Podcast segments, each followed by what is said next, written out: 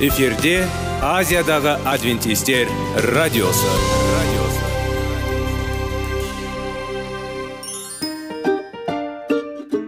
Сәлем достар. Денсаулық өмір бұлағы және біздің бірінші байлығымыз демекші денсаулық сағаты рубрикасына қош келдіңіздер. Біздің рубрикада біз әртүрлі факторларменен мәліметтерменен кеңестерменен бөлісіп шын жүректен сіздердің дендеріңіз сау болғанын қалаймыз.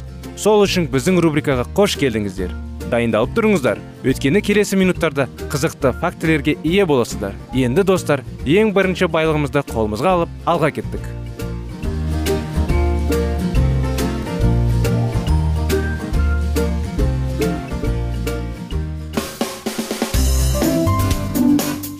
Денсаулық туралы хабар. Денсаулықтың ашылуы. Күн сайын сөз үшін күшті кеңестер соңғы жаңалықтар қызықты факторлар. Біздің рубрикада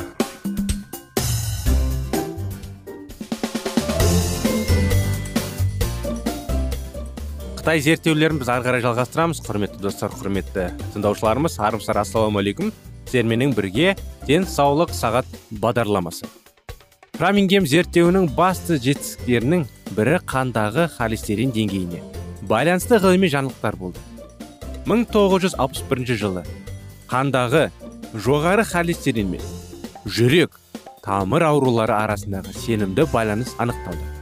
Ғылымдар қандағы холестерин деңгейі. Алтыда үш ден астан ер адамдарда жүректің ишемиялық ауру үш есе жиі кездесетінін анықтады. Қандағы холестерин деңгейі бесте төрттен төмен адамдармен. Қандағы холестерин деңгейіне сүйене отырып жүрек тамыр ауруларының пайда болуын болжауға бола ма? деген даулы мәселе арқылы шешілді. Холестерин деңгейі өте маңызды. Сол ғылыми жұмыста жоғары қан қысымы жүрек тамыр аурулары үшін маңызды қауіп факторы екендігі көрсетілген. Тәуекел факторларына берілген маңыздылық тұжырымдалып революцияның басталуын білдірді. Бұл зерттеу басталған кезде дәрігерлердің көпшілігі жүрек тамыр аурулары дененің еріксіз тозуының алдары деп санайды. Және біз бұл туралы көп нәрсе жасай алмаймыз. Біздің жүректеріміз автомобиль қозғалтқыштарына ұқсас болды. Біз есейген сайын олардың бөліктері нашарлай бастайды. Кейде бұл қозғалыштар істен шығады. Тәуекел факторларын бағалау арқылы аурудың дамуын алдын ала болжауға болатындығы белгілі болған кезде жүрек тамыр аурулардың алдын алу ойы кенеттен өзекті болды. Ғылымдар алынған мәліметтерге сәйкес бұл мүлдем қажет емес деп мәлімдеді. Алдын алу бағдарламасы қандағы холестерин деңгейі және қан қысымы сияқты қауіп факторларының әсерін азайту арқылы жүрек тамыр аурулары қауіпті азайтуға болатын сияқты. Тәуекел факторларын қажетті деңгейде сақтай отырып миокард инфарктінің алдын алатындығын барлығы дерлік біледі.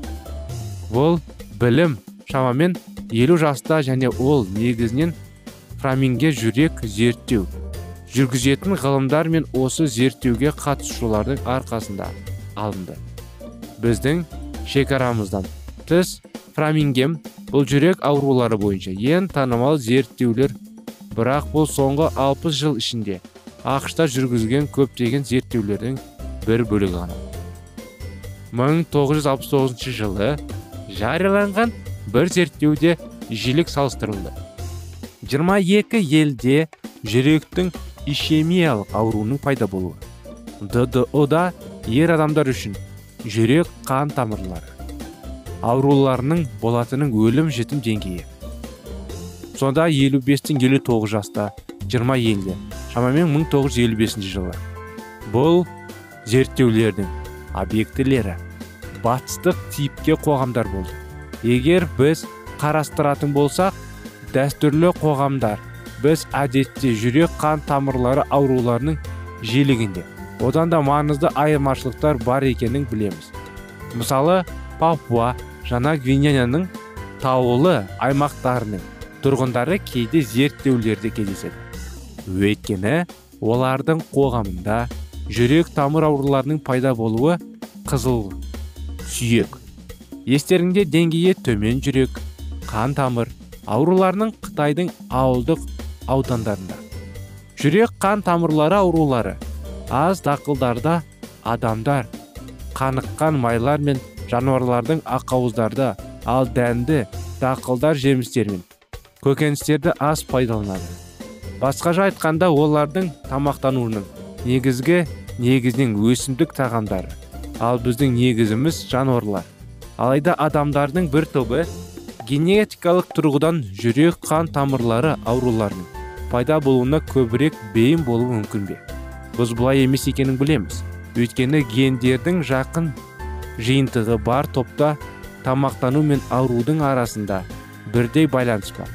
Мысалы гавайде немесе фале фарнияда тұратын жапондық ер адамдар жапонияда тұратын ер адамдарға қарағанда қандағы холестерин деңгейі әлде қайда жоғары? Ал соңғысында жүрек тамыр аурулары аз болады. Мұның себептері сыртқы факторларға байланысты. Өйткені олардың көпшілігі адамдардың генотипі ұқсас. Темекі шегу бұл аурулардың себебі емес. Өйткені жапонияда темекі шегетін ер адамдар жапондықтарға қарағанда жүрек тамыр ауруларының аз зардап шегеді. Ақшта тұрады. Ғылымдар тамақтану ерекшеліктерін атап өтіп бұл деңгей. Қандағы холестерин қаныққан майларды жануарлардың ақауыздары және тамақ холестериннің қабылдаудың жоғарылмауын жоғарылайды керісінше қандағы холестерин деңгейі атри күрделі көмірсулар қабылдаумен байланысты. Қарапайым сөзбен айтқанда жануарлардың тамағын жеу қандағы холестерин деңгейінің жоғарылауына ал өсімдіктер бұл көрсеткішті төмендеуіне әкеледі. Бұл зерттеу дұрыс тамақтанбау жүрек тамыр ауруларының мүмкін себептерінің бірі болып табылады. Сонымен қатар бұрын алынған нәтижелер осыған сәйкес келді. Адамдар қаныққан майлар мен холестеринді жануарлардың тамағын тұтыну көрсеткіштері болып табылатын. Қаншалықты көп жесе соғұрлым олар жүрек тамыр ауруларын қаупіне ұшырайды. Қарай басқа басқа елдерде тамақтану адамдар жақындап батыстың сондай ақ көңілдің күрт өсуі туындаған жүрек қан тамырлары аурулары. Осындай анықтамалар құрметті достар қытайлардың зерттеулері жайлы. Бұл автордың өзінің бізге жеткізіп жатқан ойлары ауру жайлы мал тағамдар дегенде олардың еттері жайлы. Олардың еттерін қолданған кезде қандай қалыпқа жағдайға жеткізетіні жайлы анықтама. Осымен бағдарламамыз аяғына келіп жетті. Сіздерге жалғасын келесі бағдарламамызда жалғастырамыз. Сол уақытқа дейін сау болыңыздар.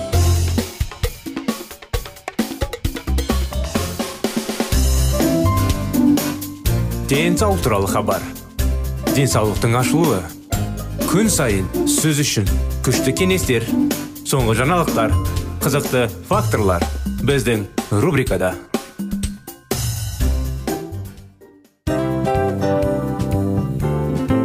Әуелі байлық денсаулық екінші байлық он саулық үшінші байлық ақ жаулық. Ал енді осындай радио парақшадан кейін не дейміз? Барлықтарыңызға денсаулықтарыңыз зор болсын деп тілейміз. Денсаулықтың өзгеруі кішкентай нәрселерден басталады. Осымен біз берген кеңестер мен мәліметтер шын жүректен сіздер үшін қандай да бір болсын жәрдем берді деп үміттенеміз. Тыңдаушыларымызбен келесі радио парақшасына дейін қоштассамыз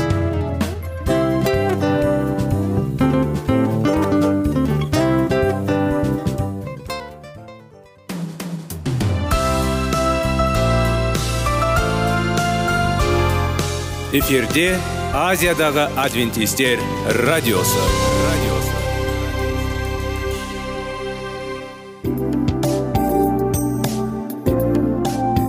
Сәлем достар. Барлықтарыңызға шын жүректен сөйлесек рубрикасына қош келдіңіздер деп айтпақшымыз.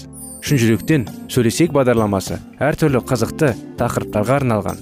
Шындығында шын жүректен сөйлесек деген сөздің мағынасы екі достың екі адамның ортасындағы шын жүрекпен сөйлесуі бір біріне сенуі ашықтық пен шындықты білдіреді. Сол үшін біздің бағдарламалар әртүрлі қызықты тақырыптарға арналған. Дайындалыңыз жаңа қызықты мәліметтерге ие болуға. Ондай болса кеттік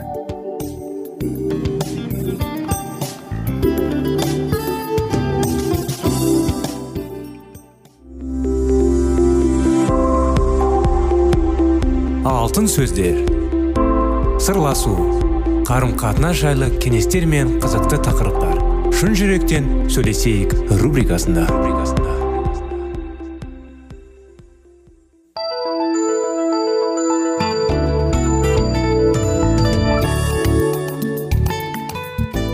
Сәлем достар. Армысыздар құрметті ә, радио тыңдаушылар. Сіздермен бірге шын жүректен сөйлесейік бағдарлама. Әрдайым қарым қатынас ренжіс махаббат сүю кешірім тәрбие қарым қатынас жайлы тақырыптар. Сіздердің назарларыңызға біздің бағдарламада. Қазір уақытта 25 керемет неке оқиғаларын жалғастырудамыз. Ерлі зайыптылар арасындағы реніш кешіру деген тұтқындалған адамды бостандыққа жіберу. Ал тұтқынға түскен адам өзім екендігін түсіне білу. Кеменің жоғары жағындағы тазалаған кезде ең алдымен біз оны реніштен тазалауымыз керек. Реніштің залының соншама нашар болғандығынан осы бағдарлама біраз жерінде сол жайында талқылайтын боламын. Біз реніш еткен адам кешірген кезде өзіміз бостандықтан айырылып некедегі рахатты көре алмайтын боламыз. Кешіре алмайтын адам тек сақтап бақытсыздыққа ұшырай бергеннен сөзсіз. Кешімдірлік деген ренжіткен және оған өкпелеген адамдарды рухани азат етеді. Кейбір адамдар өкпелейтін адамның басына қиыншылық түссе ғана кешіремін деп жүреді. Сіз егер ол өзгеріске кешіремін деп кем дегенде бір рет айтып көрдіңіз бе? Бірақ құдайдың патшалығында өмір сүрген адам кешірім жасауға міндетті болады. Бұл өмірдің салты біз неғұрлым кешірім берсек соғұрлым көктегі әкемізге ұқсайтын боламыз. Егер біз оның құдірет біздер арқылы әрекет жасағанын қалайтын болсақ онда оның кешірімінің күшін қабылдауымыз керек. Кешіру деген тұтқындалған адамды бостандыққа жіберу. Ал тұтқынға түскен адам өзім екендігін түсіне білу. Құдайдың шәкірті бізге мынандай нұсқауды жазып беріп отыр. Өзара төзімді болыңдар. Егер біреуге реніш сақтап тақатын кінәлары болса кешірімді болыңдар. Сендерді еміз мәсіх қалай кешірсе сендер де солай етіңдер дейді. Шәкірт айқан сөздері өтініш емес. Бұйрық ретінде жазып жіберсе де осы сөздер жанымызға батпайды екен. Құдай біздерді ренжіткендердің барлық шексіз әрі шартсыз кешіріп біруіміз керек. Сөз жоқ. Біз өз істегенімізді ақтап сылтау іздеп басқа адамдар өзімізге жақсылық қана жасайтынның үстіндеміз. Алайда басқалардың әсіресе жұбайлардың істеген қылықтары кешіре алмаймыз. Дегенмен кешіре алмайтын адам өз кешірілген екендігін ұмыта кетеді көбіміз өз әділдігімізге сүйеніп жүріп тозақ отына түскен адам лайықты болғанымызды ұмытып аламыз құдайдың алдында біздің кінәміз ауыр болғаны сонша соның салдарын жою үшін жаратқан не өзінің сүйікті рухани ұлы жіберді мәсіх өзіне қарсы күнә жасағандарға өкпелемей айқыш арқылы барлығымызға кешірім салады біз әлі де қылықтарымызды бас тартып кешіруге лайықтық болсақ та мәсіх бізді алдын ала кешірді. Бізде басқа адамдарға осылай істеуіміз керек. Сіздің жолдастарыңыздың кемшілігі бар деп айтуымыздың қажеті жоқ. Қате жасамайтын мінез адам жоқ. Бірақ жасаған қателер бізге құдайдың рақымы жеткізуге мүмкіндік береді. Мәсіх бізбен тығыз байланыста тұрғанымыздың көрсеткенше басқа адамдарды кешіруге дайын болу. Тұтқандарды бостандыққа жіберу. Біздің жаңа үйленген кезімізде әйелім басқа адамдар сияқты қате ойлап сені өзгерген кезде ғана кешіремін деп айтатын. Күйеуім өзгермейінше оның жасаған қылықтарын тізімін жаза беремін. Егер мен оны кешірмесем оның тез өзгере бастайтынын ойладым. Бірақ күйеуім үміті үзіліп өзін дәрменсіз әрі айыпталғанын сезініп жүрді. Құдай маған өзін қалай кешіретінін көрсеткен сол сәтте бәрі өзгеріп кетті. Оның кешірімі адамның өзгеретіне байланысты сый емес қайта құдайдың шексіз сенімі жаратқан ие ой пікірді өзгертіп шынайы кешірімді не екендігі ашып көрсетті.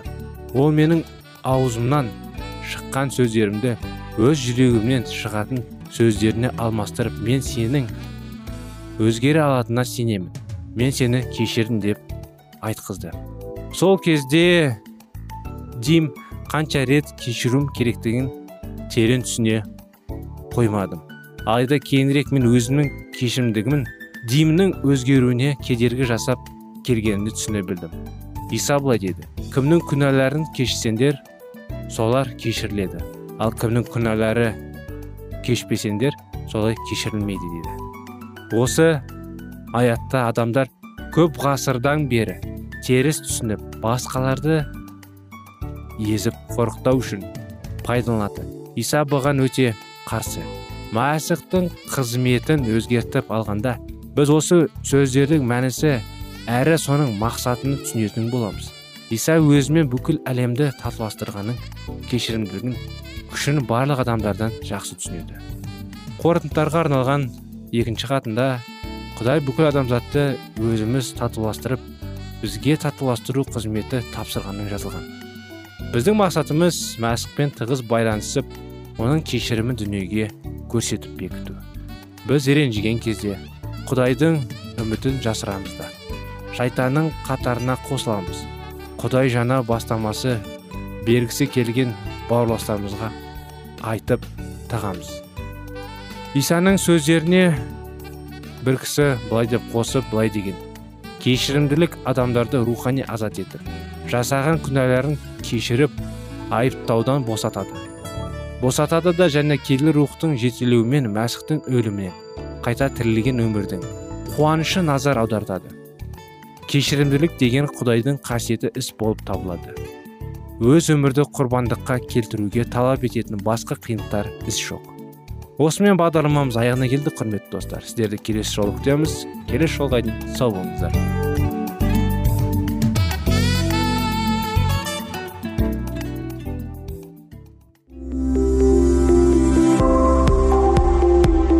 Алтын сөздер. Сырласу. Қарым қатынас жайлы кеңестер мен қызықты тақырыптар. Шын жүректен сөйлесейік рубрикасында.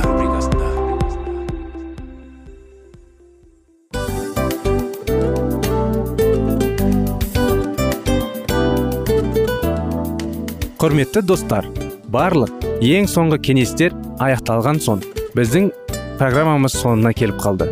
Осы біздің мәліметтер осы рубрикада айтылған әрбір сөздер сіздерге өзінің қандай да бір пайдасын алып келді деп шын жүректен сенеміз. Және бұдан да көптеген рубрикаларымыз бар. Басқа рубрикаларымызда біздің зерттеулерімізде сіздер үшін тағы да қызықты мәліметтер дайын. Біздің шын жүректен сөйлесейік парақшамызда көптеген әдістер ең соңғы кеңестер адамның нравственность жақтан моральдық жақтан тазалап байыта тұрған соңғы кеңестердің барлығын жанарады. Сондықтан алдыңғы күндерде бізбен бірге болыңыздар.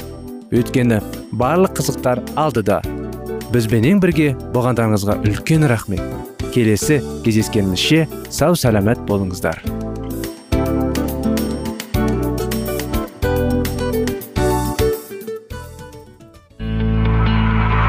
Жан дүниеңді байытқан жүрегіңді жаңғыртқан өмірдің мағынасын ойландырған рухани жаңғыру рубрикасы.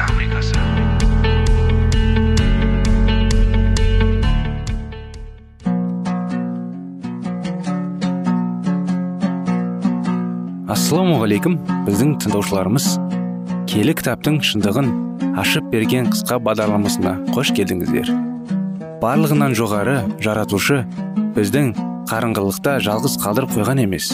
Өйткені ол келешекте не болу керек екенін киелі кітаптың парақтарында ашып береді. Немесе келіңіздер бізге қосылыңыздар. Жаратушы бізге нен ашып бергенін зерттейміз. 1844 жылы шыққан мінеки күйеу жігіт келе жатыр.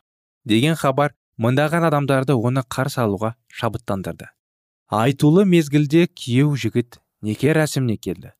Бірақ адамдар ойлағандай жерге емес көкте өзінің патшалығын алу үшін күндермен көнеге яғни мәңгі жасап келе жатқан құдай тағала келді. Дайын болғандар неке тойына еніп есік жабылды. Олар әлі жерде болғандықтан бұл неке рәсімін тікелей қатыса алмайды. Исаның ізбасарлары қожайындарының келуін жерде күтеді. Бірақ олар исаның қызметін жақсы түсініп оның соңынан сеніммен жүре білулері керек. Неке тойына кіру дегеніміз осы мысалда қолдарында май қорлары барлар ғана неке тойына кірді делінген. Ақиқатты танып білгендер құдайдың мейіріміне бөленіп қолдарына ұстаған жарықты жоғалтып алмай. Қасиетхана жайлы ақиқатты меңгеріп ештеңеге қарамай қиындыққа төзе отырып құдайдың соңынан ереже білгендер көктегі қасиетханаға аттанды. Мәсіх иса құдайдың алдына тұрып аршашы қызметін тамамдауға жақын қалған сәтінде кімде кім киелі жазбаға сене отырып осы ақиқатты шын жүректен қабылдаса сол жандар бейнелеме түрінде неке тойына кіргендер деп саналды. Матай жазған ізгі хабардың 22 тарауындағы мысалда да неке рәсімі жайлы көз қозғалды және сот неке тойына дейін аяқталды делінген. Неке тойының алдында патша кіріп барлық жандар неке тойының киімін киді ме екен? Яғни барлығының киімдері дақсыз таза ма екен? деп тексерді. Киімдері тазалар қалдыларды да киімдері таза еместер қуылады.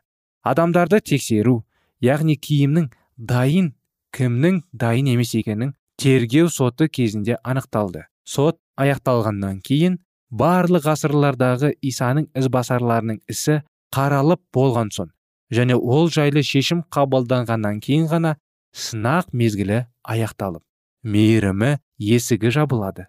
Сонымен дайын болғандар неке тойына кірді және есік жабылды деген қысқа сөз бізде адамзат баласын құтқару жолындағы ұлы шайқастың аяқталған кезінде алып келеді.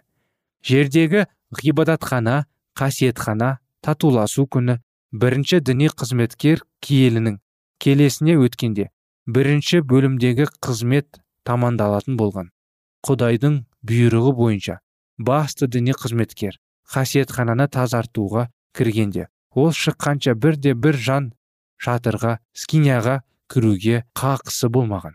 Дәл сол секілді иса мәсіх көктегі киелінің келесіне оны тазарту үшін кіргенде бірінші бөлмедегі қызмет тоқтатылды.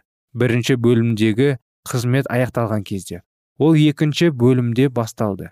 Осылайша иса өзінің қызметінің бір бөлігін аяқтап екінші бөлігіне кірісті. Қазіргі кезде иса мәсіх өзінің қанымен киелінің келесіне кіріп күнәқар пенделер үшін көктегі әлемнің алдында адвокаттық яғни өз халқын қорғау қызметін атқаруда. 1844 жылы бұл сұрақ адвентистерге түсініксіз болған. Олардың ойынша адамзат баласы үшін сынақ мезгілі исаның екінші рет жер бетіне келері алдында аяқталуға тиісті болды. Олар киелі жазбадағы адамдар көз жастарына булыға отырып мейірім есігін қағады. Бірақ ол есік енді ашылмайды деген сол уақыттарға мезгеп тұрған таққаттарға сүйіне отырып осындай тұжырымға келген болатын.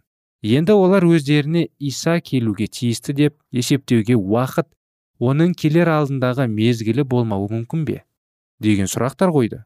Өз жақтарынан бар мүмкіншіліктеріне пайдаланып болған олар. Адам баласын құтқару жолындағы еңбегіміз аяқталды. Біздер өз парызымызды орындақ деп есептеп ал олардың күлкі қылып мазаққа ұшыратып жатқандары құдайдың рухынан жұрдай болғандар деп саналды. Сынақ мерзімі аяқталды. Мейірім есігі жабылды деген ойға келіп тірелулері сол себепті болатын. Десе де қасиетхана жайлы. Сұрақты зерттей келе. Олар тағы да бір жарыққа тап болды. 1844 жылы 2300 күннің аяқталғаны шынымен де маңызды оқиға екені түсінікті болды. Құдайға келем деушілерге 18 ғасыр бойы ашық тұрған үміт пен мейірім есігі шынымен жабылғанымен киелінің келесі ішінде иса арқылы күнә үшін кешірім алу есігі ашылды. Қызмет етудің бір бөлімі аяқталғанымен екінші бөлім басталды. Көктегі қасиетхананың есігі күнәқар пенде үшін әлі де болса ашық тұр. Сондықтан күнәдан арылып тазарап аллаға келем деушілерге есік ашық бірақ кешірім қабылдамайтын уақыт жақыт. Сол себепті ізгі хабар мәсіхшілер арқылы жер жүзіне кен тараулы тиіс. Дәуіттің кілтін ұстаған киелі де шындық иесі былай дейді. Оның ашқаның ешкім жаба алмайды жапқаның ешкім аша алмайды. Сенің істеріңді білемін. Мінекей сенің алдында менің есікті аштым және оны ешкім жаба алмайды. Сенің аздаған күшің бар. Менің сөзімді сақтандың және менің атымнан бас тартқан жоқсың. Сол үшін өздерің яхудилеріміз деп санаушыларды сенің аяғына әкеліп бас игіземін деген сөздердің мағынасын мәсіхшілер содан ғана ұқты. Сенімдеріне берік ие болып исаның соңынан жүре білгендер оның кешіріміне де ие болады. Ал одан бас тартқандар әрине құр қалады. Иса бірінші рет жер бетіне келгенде оған сенбеген яхудилер кешірімнен құр қалды. Соңында иса өзінің қанымен ізбасарларына батасын беру үшін көктегі ғибадатханаға кіргенде яхудилер қажетсіз құрбандықтарын шалып түнекке орнатып жатты. Келтірінде немесе үлгі ретінде берілген қызмет аяқталды. Яғни адамдардың кіруге мүмкіндігі болған алғашқы есік жабылды. Яхудилер болса өз құтқарушыларын көктегі қасиетханадан іздеген жоқ. Сондықтан олардың құдаймен қарым қатынасы жоқ. Олар үшін есік жабылды. Өйткені олар исаның ұлы құрбандық екенін мойындамады. Имансыз еврейлердің күйі барлық имансыздардың күйін суреттейді сондықтан да біздер үшін татуласу күннің мағынасы және құтқарушының қызметін түсіну өте қажет